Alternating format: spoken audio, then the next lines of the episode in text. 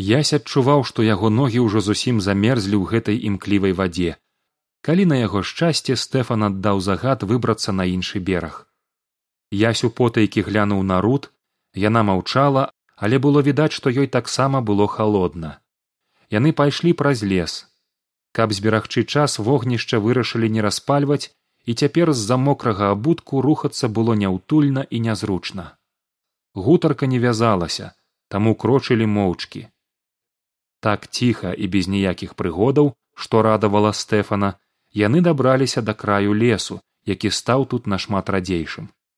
Наперадзе паміж камлямі ўжо быў бачны блакіт неба. Яны прайшлі яшчэ крыху і стэфан сказаў мы амаль на месцы. Далей адкрытае поле і трэба разведаць ці ўсё спакойна. Вунь у той хаце ён паказаў рукой на аднапавярховы але вялікі драўляны дом з некалькімі прыбудовамі павінен быць марцін пачакайце мяне тут стэфан мінуў поле і дайшоўшы дадома знік за яго рогам Усё прайшло спакойна, засталося толькі чакаць. Я слёг на траву. Каля яго прысела руд, яна сядзела моўчкі і толькі цяжка ўздыхнула сама сабе. Перажываеш за бацьку запытаўся язь прыпаднімаючыся. Яна павярнула да яго свой твар, які чамусьці здаўся ясю пасталелым. так адказала яна. Хто ведае што зараз з ім? Руд зноў уздыхнула. Вядома яны цяпер яго не адпусцяць але самае галоўнае каб ён быў жывы голас яе сарваўся і яна змоўкла. Не бойся руд язь паспрабаваў як мог суцешыць яе. Хутчэй за ўсё яго павязуць у сталіцу і калі нам удасца перамагчы вормара твой бацька будзе вызвалены. Руд паглядзела на яго доўгім позіркам і запытала змяніўшы тэму. А ты чаму тут язь і дадала. Я пытаюся не пра эферыю бо ведаю як ты ў нас апынуўся. Але вось тут са стэфанам з астатнімі я таксама думаю пра гэта апусціў вочы язь уся справа ў жывой вадзе калі гэта канечне не казкі. Мне яна патрэбная. Ну не мне але аднаму блізкаму чалавеку. Блізкаму? Каму? Сястры. Ясь зноў лёг і падклаў руки пад галаву злуючыся і не разумеючы чаму схлусіў руд дзяўчына па свойму зразумела яся. Даруй я бачу табе таксама складана гаварыць пра гэта угу прамармытаў ён скажы а ты сама верыш у жывую ваду у тое што яна ёсць я веру упэўнена адказала яна. Іначай навошта вормуру былі б патрэбныя сем камянёў. Ты ж ведаеш як ён на іх палюе. Можа ён проста палюе на захоўнікаў? Не не захоўнікі гэта адна справа але самі крышталі зусім іншая рэч. Вось што яго цікавіць найбольш. Ты ведаеш пра храм сямі камянёў не здзівіўся язь гэта чарговая прыдумка вормара рут хмыкнула. Гады чатыры таму сем камянёў былі абвешчаныя сімвалам вормараўскай эферыі і адпаведна сімвалам моцы самога вормара. У цэнтры сталіцы ён пабудаваў вялікі будынак храм камянёў. Раз на месяц гараджане павінны прайсці туды для пакланення каштоўным самацветам. А раз на год у храм павінны наведацца ўсе жыхары эферыі зараз там чатыры камяні. Рубін які належаў першаму захоўніку турмалін які быў у трэцяга смарагд чацвёртага і тапаз самацвет пятага. І што ім сапраўды пакланяюцца? Ну спачатку там былі толькі гэтыя крышталі а потым на прапанову вормараўскага памочніка каліда там яшчэ паставілі і вялікую скульптуру самога вормара канечне для прыліку вормар адпіраўся маўляў не трэба гэтай скульптуры гэта маўляў занадта але ўсё тое адпіранне байкі для наіўных. Для чаго яму гэта не зразумеў язь бо насамрэч ён хоча каб усе жыхары эферыі пакланяліся яму. Але спачатку такая ідэя была зусім непрымальнай для нашых людзей. За тысячы гадоў пакуль намі кіравалі ўладары ніхто ніколі ім не пакланяўся таму ён прыдумаў гэты ход. Спачатку каб пакланяліся камяням а да іх эферыйцы заўсёды ставіліся з павагай як і да захоўнікаў. Затым камяням разам са статуяй а ўрэшце і самому вормару. Адкуль ты пра ўсё гэта ведаеш? Твой жа тата перастаў гэтым цікавіцца так перастаў.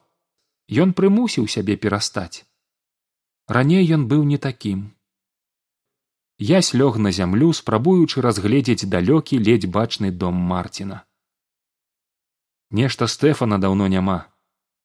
Ён ужо хацеў запытацца ці не варта пайсці ды высветліць што там і як але якраз у гэты момант з за дома паказалася фігура. Ясь напружыўся спрабуючы разабрацца з такой далечыні ці стэфан гэта. Фігура упэўнена ішла да лесу. Праз некалькі імгненняў яны супакоіліся гэта быў шосты захоўнік. Даруйце браты калі прымусіў чакаць прамовіў ён заходзячы ў засень лясных дрэваў. Усё добра. Марцін на месцы. Я пастараўся хутка наколькі можна было распавесці яму тое што з намі адбылося ды падзяліцца нашай задумай адносна паслязаўтрашніх святаў. Але ў яго ўзнікла столькі пытанняў стэфан развёў рукамі. Зрэшты ўменні ўсіх пятых захоўнікаў апісваць падзеі ды перадаваць навіны так што яго таксама можна зразумець. Гэта ж не проста навіна а навінішча. Сябры засмяяліся і ўсе разам рушылі з лесу. Калі яны падышлі бліжэй стала бачна што і сам дом і гаспадарчыя пабудовы вельмі старыя. Здавалася што драўляныя сцены ледзь ледзь стаяць. Дзверы ім адчыніў малады мужчына. Вочы яго былі праніклівыя і па зморшчынках у куточках вачэй было відаць што ён мае жыццярадасны характар. Убачыўшы ўсю кампанію ён ветліва прамовіў. Вельмі рады вас бачыць. Заходзьце унутры дом здаваўся такім жа вялікім як і звонку. У галоўным пакоі мэблі было зусім няшмат. Шафа зэдлікі стол ды яшчэ вялікі камін. Усё было нейкім спакойным лагодным і ціхім дзённае святло што напаўняла дом праз шырокія вокны ляжала яркімі плямамі на вышараванай дзесяцігоддзямі падлозе сонечны зайчык які адбіўся ад шыбаў у дзвярах старой шафы на імгненне асляпіў яся. Ён прыплюшчыў вочы і хлопцу здалося яму вельмі захацелася каб так і было што зараз ён у мястэчку ў сваёй бабулі і проста зайшоў у госці да некага з суседзяў. Выбачайце што шапчу марцін панізіў голас. Малыя яшчэ спяць. Быццам у пацвярджэнне ягоных словаў дзесьці ў суседнім пакоі пачулася незадаволенае дзіцячае мармытанне. Па падлозе зашлэпалі босыя ногі і ў дзвярах паказаўся заспаны твар хлопчыка гадоў чатырох. Тата дай вадзічкі попрасіў малы і убачыўшы людзей схаваўся за вушак. Не бойся сынку гэта госці сказаў марцін але малы пабег назад. Пяты захоўнік падышоў каб павітацца і пазнаёміцца з кожным. Калі стэфан назваў яся марцін уважліва паглядзеў на хлопца і з зацікаўленасцю прамовіў а вось гэтая гісторыя з туманам вартая асобнага выпуску весніка эферыі ды не нічога там такога не было адказаў язь адплыў там аказаўся тут. Нават няма пра што расказаць урэшце марцін пазнаёміўся з усімі і нібы перапрашаючы сказаў госці ў нас тут амаль ніколі не бываюць таму і дзеці не прывыклі. Але гэта не значыць што мы не гасцінныя ён посміхнуўся. Сядайце адпачніце ён запаліў камін і язь з удзячнасцю падумаў што гэта было цудоўнай ідэяй. Можна было падсунуцца да агню і высушыць вільготныя чаравікі. Стэфан мне распавёў ужо дастаткова шмат з вашых прыгодаў працягнуў марцін сказаць шчыра мы з ім абмяркоўвалі ўжо даўно што калісьці наступіць такі час калі трэба будзе дзейнічаць пачаць адкрытае змаганне. І хоць усё атрымліваецца зусім нечакана сваёй думкі я не перамяніў. Я гатовы можете на мяне разлічваць. З пакоя куды нядаўна збег малы выйшла жанчына якая трымала на руках хлопчыка. Другі хлопчык стаяў каля яе нясмела выглядаючы з за спадніцы марцін пазнаёміў гасцей з жонкай а таксама з дзецьмі якія былі пагодкамі. Запрашаю за стол. Паешце вы ж з дарогі марцінава жонка заклапочана глянула на стомленых гасцей абед быў асабліва смачны магчыма ад таго што ўсе надзвычай стаміліся ад пераходу. Запечаная птушка хлеб каша. З чаго яна ясь разабраць не мог але смак яе быў цудоўны і лясныя ягады падобныя да ажыны.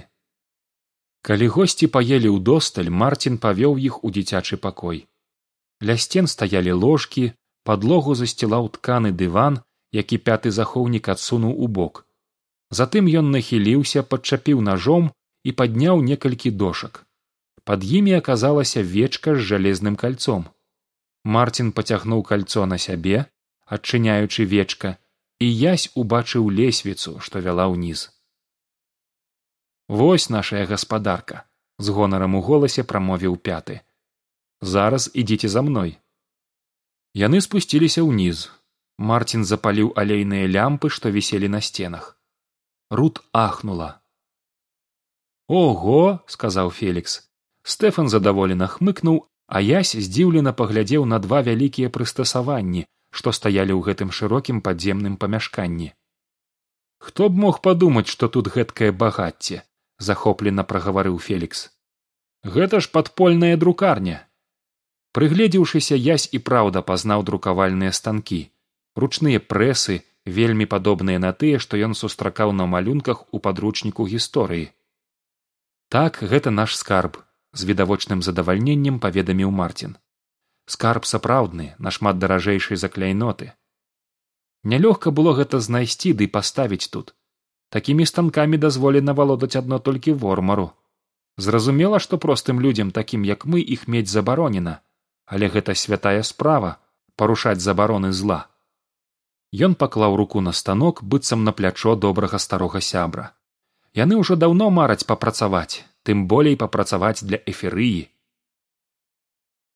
ну што давайте думаць пра тэкст адозвы сказаў стэфан і кіўнуў марціну але тут ужо твая чарга пасля грунтоўнага абмеркавання марцін сеў пісаць адозву да жыхароў вертагарда але адразу адарваўся ад тэксту і запытаў яся. Язь усе мы паставім свае імёны под гэтым дакументам. А як падпісваць цябе? Проста імя? Трэба падумаць пачасаў патыліцу язь давайте так калі ўжо я волей лёсу апынуўся ў гэтай дзіўнай вандроўцы то хай будзе язь вандроўнік. Так і запішам. Пакуль марцін пісаў чарнавік у ясе з'явілася адна ідэя. Давайте намалюем чашу ад шаляў раптам прапанаваў ён. Няхай такі знак стаіць на кожнай нашай адозве шаляў запыталася рут. Так тых што стаялі на галоўнай плошчы тых шаляў з дапамогай якіх людзі раней выбіралі новага ўладара. А гэта цудоўная думка падхапіў стэфан. Іх жа вормар кудысьці сцягнуў яны недзе зніклі і калі намаляваць такую чашу на ўлётцы усім усё будзе зразумела добрая ідэя адгукнуўся эмиль дайце паспрабую намаляваць ён узяў паперу нешта пачаў крэсліць а потым паказаў малюнак кола і ў ім паўкруглая чаша якая трымалася на ланцужках. Падобна няўпэўнена запытаўся ён. Яшчэ як радасна адказаў стэфан. Эмиль узяўся рабіць пячатку для знакаў шаляў а тым часам падышоў марцін трымаючы гатовы тэкст адозвы тэкст быў такім. Браты і сёстры усе жыхары вялікага вертагарда шмат гадоў мінула з таго часу як на пасадзе слаўных эферыйскіх уладароў засеў зладзей. За гэты час усе мы жыхары эферыі зведалі дастаткова пакутаў. Турмы прымусовыя працы паўсюдная хлусня гэта тое што прынёс нам вормар. Вормару трэба каб мы былі бяспраўнымі і маўклівымі рабамі яго і ягонай світы. Падумайце з таго часу як зладзей захапіў пасад нас быццам пракляцце пераследуе смага. Дзясяткі вёсак мястэчак і гарадоў засталіся пакінутымі без жыхароў. Жыць там цяпер немагчыма.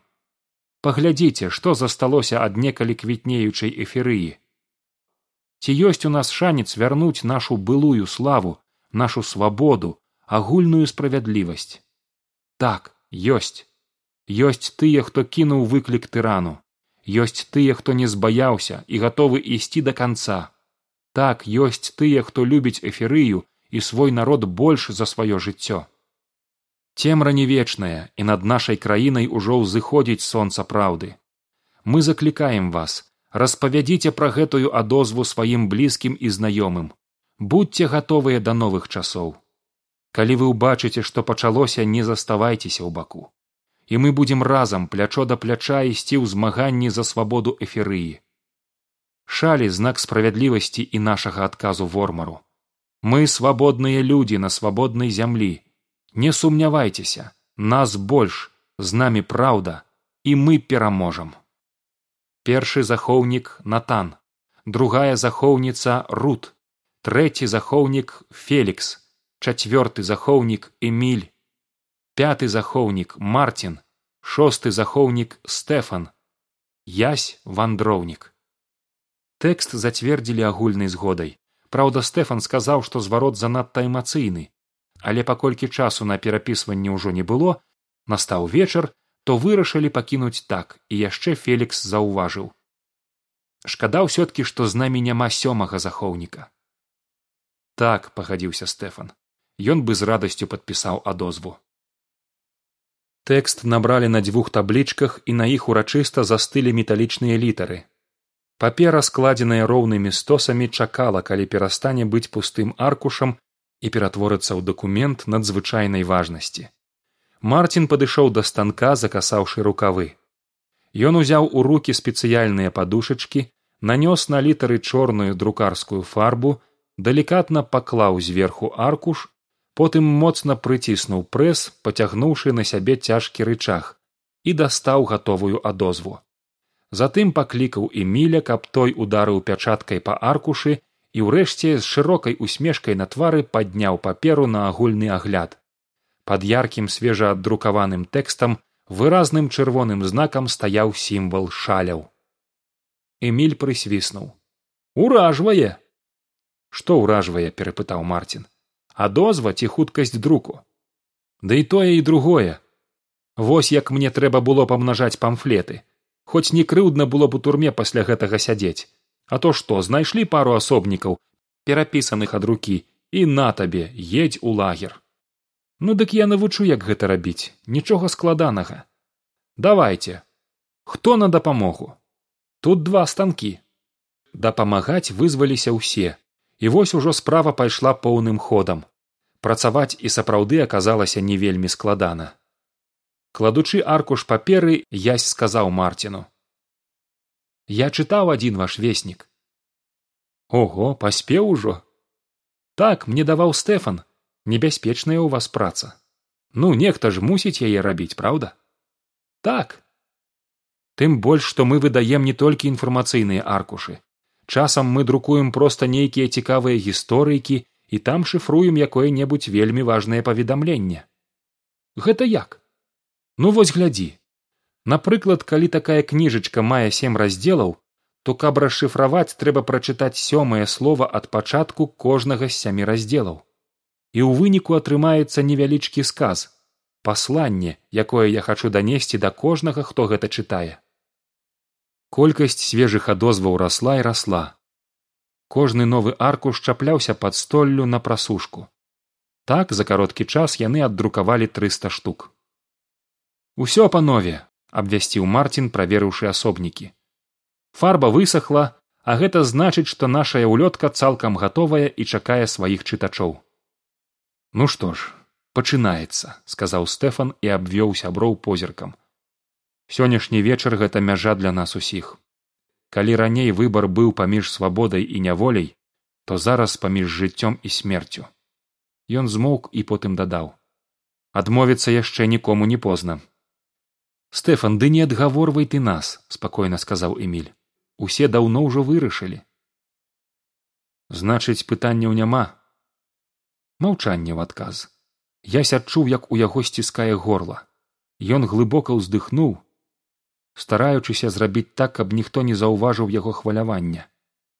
У мяне адно пытанне. Язь падняў руку. Усе сябры павярнуліся да яго. Так сказаў стэфан слухаю. Мне здаецца ісці ў горад гэта самагубства. Ты хочаш нас адгаварыць? запытаўся шосты і ў ягоным голасе можна было адчуць раздражненне. Я не чакаў што ты забаішся перад самай нашай перамогай руд занепакоена паглядзела на яся. Як вы пойдзеце ў горад працягнуў язь не зважаючы на шпільку стэфана. Ворагі вас ведаюць памятаюць у твар кожнага а выбару няма выбар заўсёды ёсць ясі ўрэшце ўдалося на поўныя грудзі ўдыхнуць паветра. Туды пайду я! Хваляванне адразу адступіла. Дыхаць стала лягчэй дзіўнае адчуванне моцы напоўніла яго так што дрыжыкі прабеглі па ўсім целе. Ён зрабіў свой выбар. Гэта адзіны правільны шлях. Ты стэфан разгубіўся. Я думаў што ты ён змоўк. Паслухай гэта небяспечна. Гэта вельмі небяспечна. Да таго ж ты не ведаеш горада горад ведаю я раптам сказала рут і вормараўскія жаўнеры таксама паляваць за мной не будуць. Так што я пайду з ясем магчыма памятаюць не ўсіх сказаў натан падымаючы руку. Як выглядаю я яны за гэты час можа і забыліся. А ці могуць быць у хваўлюса паштовыя каршуны як той што ляцеў з лагера запытаўся язь могуць задумаўся стэфан. Я нават сказаў бы што хутчэй за ўсё ёсць мне трэба было пра гэта падумаць. А чаму гэта важна запытала рут. Таму адказаў язь што хваўлюс мог паслаць паведамленне вормару пералічыўшы ўсіх нас. І ў такім выпадку адзіны каго не ведаюць у твару сталіцы я у выніку стэфан і астатнія вырашылі пагадзіцца з планам яся. Тым больш пасля арышту піліпа можна было чакаць што атрад хваўлюса разам з арыштантам ужо дабраўся да сталіцы а значыць вормар мог аддаць загад пра ўзмацненне начных патрулёў разам з ясем каб памагла арыентавацца ў горадзе пагадзілася адправіцца рут. Яна настойвала на сваім удзеле. Пасля таго як яны развесяць адозвы ім далі даручэнне знайсці сёмага захоўніка. Ты помніш адрас язь запытаўся стэфан. Вядома. Ужо ж адзін раз збіраўся да яго ісці. Можа хоць з другога атрымаецца сустрэча з геранімам уяўлялася стэфану цяпер не менш важнаю за расклейку ўлётак. Язь павінен быў перадаць сёмаму захоўніку ўсю апошнюю інфармацыю і паведаміць аб тым што яны рыхтуюць у нядзелю. Акрамя таго стэфан прасіў гераніма тэрмінова звязацца з усімі праверанымі людзьмі вертагарда каб тыя далучыліся да падзеяў на цэнтральнай плошчы. Яны сядзелі яшчэ каля гадзіны абмяркоўваючы дэталі гэтай начной выправы язь быў перакананы што расклейваць улёткі мае сэнс перадусім у бедных раёнах сталіцы пра якія ён паспеў ужо даведацца ад рут аднак стэфан казаў іншае. Не ўсе беднякі выступаюць супраць тыраніі вормара. Сярод іх былі і такія якія падтрымлівалі эферыйскага кіраўніка толькі за тое што маглі жыць у вертагардзе хоць і ў самым бедным раёне. І наадварот не ўсе заможныя людзі былі супраць пераменаў вядома большасць з іх маўчала але ў размовах паміж сабой добрым словам узгадвалі часы арыстарха спадзяючыся што калісьці эферыя стане іншай. Так што язь і яго сябры вырашылі што распаўсюджваць адозву трэба дзе толькі ўдасца ва ўсіх раёнах горада. Потым усе яны падняліся наверх у вялікі пакой забраўшы з сабою аддрукаваныя аркушы на вуліцы ўжо зусім сцямнела і марцін запаліў на сценах лямпы ды падкінуў дроў у камін. Усе зноў паселі за сталом. Жонка марціна прынесла хлеб і запараныя кіпнем горка салодкія зёлкі. Зайшла размова пра два найбліжэйшыя дні. У кампаніі пакрысе запанавала радасная ўзбуджанасць. Вы нічога не чулі раптам запытаўся фелікс. Усе хто сядзеў за сталом пераглянуліся не адказаў за ўсіх натан. А што такое? Мне нешта здалося сказаў трэці захоўнік выйду на двор гляну асцярожна там спадзяюся што ўсё нармальна але як кажуць так дзеля ачысткі сумлення і фелікс выйшаў за дзверы. Праз некалькі хвілінаў ён вярнуўся. Фальшывая трывога ўсё спакойна язь і рут ужо былі гатовыя ісці ў горад. Яны схавалі аркушы за дозвамі заткнулі іх за пояс. Рут павесіла праз плячо біклажку з клеем які яны толькі што зварылі. Усе чакалі пятага які знік у сваім пакоі хвілінаў дзесяць таму. Ён не ў час узгадаў што ў яго дома ляжаць архіўныя паперы звязаныя з нядаўняй гісторыяй эферыі і трэба ж было ясю выказаць да гэтага цікавасць А вось і мой архіў. Урэшце з'явіўся марцін выносячы сто з папераў. Тут шмат чаго цікавага. Лісты гандлёвыя дакументы і нават паэмы якія нікому пра гэта не кажучы пісаў уладар арыстах марцін паклаў гэтую кіпу на стол якраз перад ясем толькі не пытайце ў мяне адкуль і як я гэта здабыў. Доўгая гісторыя ясь перабіраў аркушы машынальна хутка трэба было выходзіць і ён думаў толькі пра сённяшнюю начную задачу. Сярод дакументаў што прынёс марцін былі ўказы арыстарха ліставанне з гарадамі. Тут жа аказаўся невялікі альбом уладара які называўся рыбы і птушкі язь гартаў апісанні і малюнкі якія рабіў сам арыстарх. Розныя эферыйскія птушкі маленькія рачныя рыбкі і вялікія марскія рыбіны на апошнім развароце ляжала некалькі папераў зусім не з альбома. Вось ліст уладара да захоўнікаў у якім ён просіць іх прыехаць у замак на тую самую апошнюю як аказалася сустрэчу. Адказы саміх захоўнікаў. І тут на душы ў яся пахаладзела. Ад таго што ён убачыў у яго чамусьці замерла сэрца. Ён узяў ліст думкі зблыталіся Ён выдатна разумеў, што бачыць нешта вельмі важнае, але некалькі імгненняў ніяк не мог усвядоміць, што менавіта. сябры пачакайце раптам прагучаў усхваляваны голас фелікса. Здаецца я нешта зразумеў жывая вада! Дзе яе шукаць? Вочы фелікса блішчэлі. Зараз я вам пакажу.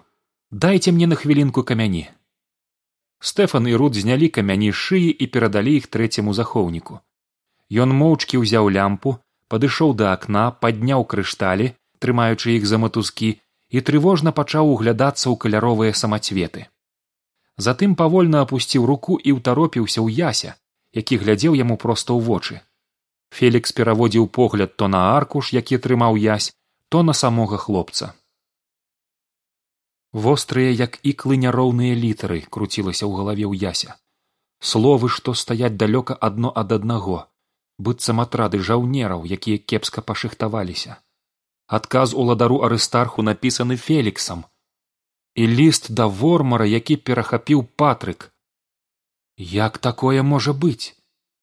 Фелікс дык гэта ты? Толькі і змог над трэснутым голасам прашаптаць язь далей усё адбывалася вельмі хутка. Уваходныя дзверы з грукатам уваліліся ў пакой.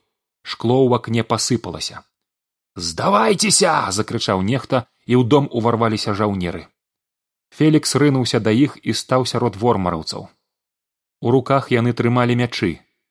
Рут уздрыгнула калі паміж імі пабачыла таго самага мядзведзя з якім білася на плато.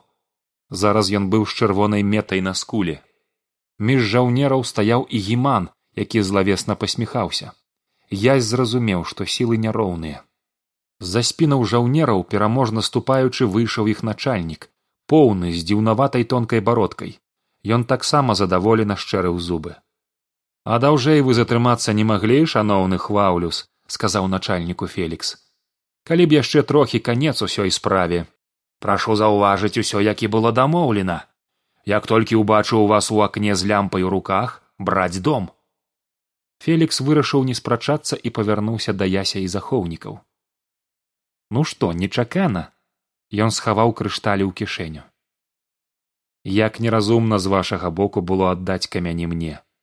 Зрэшты яны б і так апынуліся ў маіх руках. Стэфан дастаў меч вормараўскія жаўнеры занерваваліся але фелікс паказаў ім рухам каб тыя стаялі на месцы. І я сам і мой паплечнік гіман інфармавалі законную ўладу аб усім што адбываецца пачынаючы ад бандыцкага захопу лагера. Фанаберыста загаварыў фелікс. Шкада толькі лагерны каршун не даляцеў да сябра вормара ў другі раз і мой ліст так недарэчна трапіў да патрыка. Аднак чаго цяпер шкадаваць мой сябра трэці паклаў гіману руку на плячо вымушаны быў выкрыць самога сябе каб я мог працягнуць сваю працу. Фелікс уздыхнуў быццам шкадуючы захоўнікаў.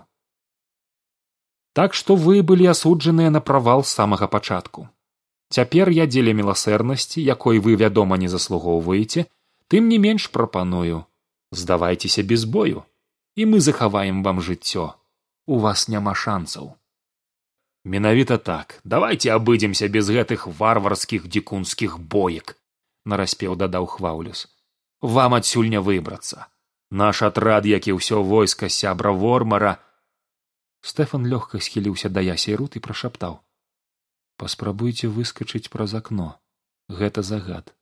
Пастарайцеся развесіць усе адозвы. У вас ніякіх шансаў працягваў гаварыць хваўлюс таму скласці зброю ў вашай сітуацыі гэта зусім не праява страху але прыкмета жыццёвай мудрасці. Ніколі адрэзаў эмиль пані хваўлюс звярнуўся гіман. Няма чаго з імі цацкацца яны не цэняць нашай высакароднасці правільна. Мы людзі высакародныя а гэтыя нізкародныя і значыць яны нам не родныя засмяяўся свайму жарту хваўлюс і ажно рохкнуў ад смеху.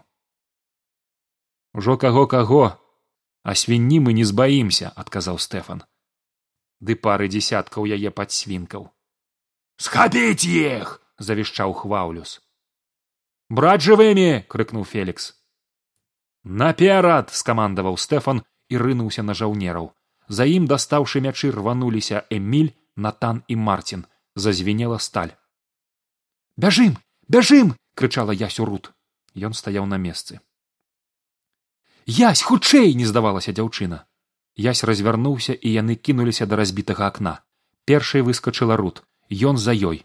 На вуліцы не аказалася нікога. Яны прыгнуўшыся пабеглі да блізкага пралеску. Час быццам запаволіўся і ясю здалося што гэтыя секунды цягнуцца доўга доўга урэшце яны апынуліся ў месцы якое здавалася бяспечным язь прыслухаўся. Бойка яшчэ ішла але было чутно што яна заціхае. Страднік ясь адчуў як у ім закіпае злосць. Я цішэй умольна попрасіла рут. Што цішэй ён гнеўна глянуў на яе. Нельга каб яны нас пачулі!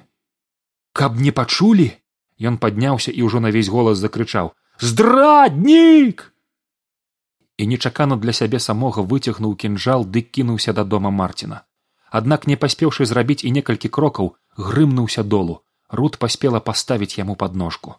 Я сеў на вільготную вечаровую зямлю выціраючы твар ад бруду. Намацаў у траве кінжал і схаваў яго ў похву. Прабач сказала рут. Ты таксама прабач адказаў язь і падняўся. Яны вярнуліся ў пералесак і зноў прыслухаліся але на месцы бойкі было па нядобраму ціха.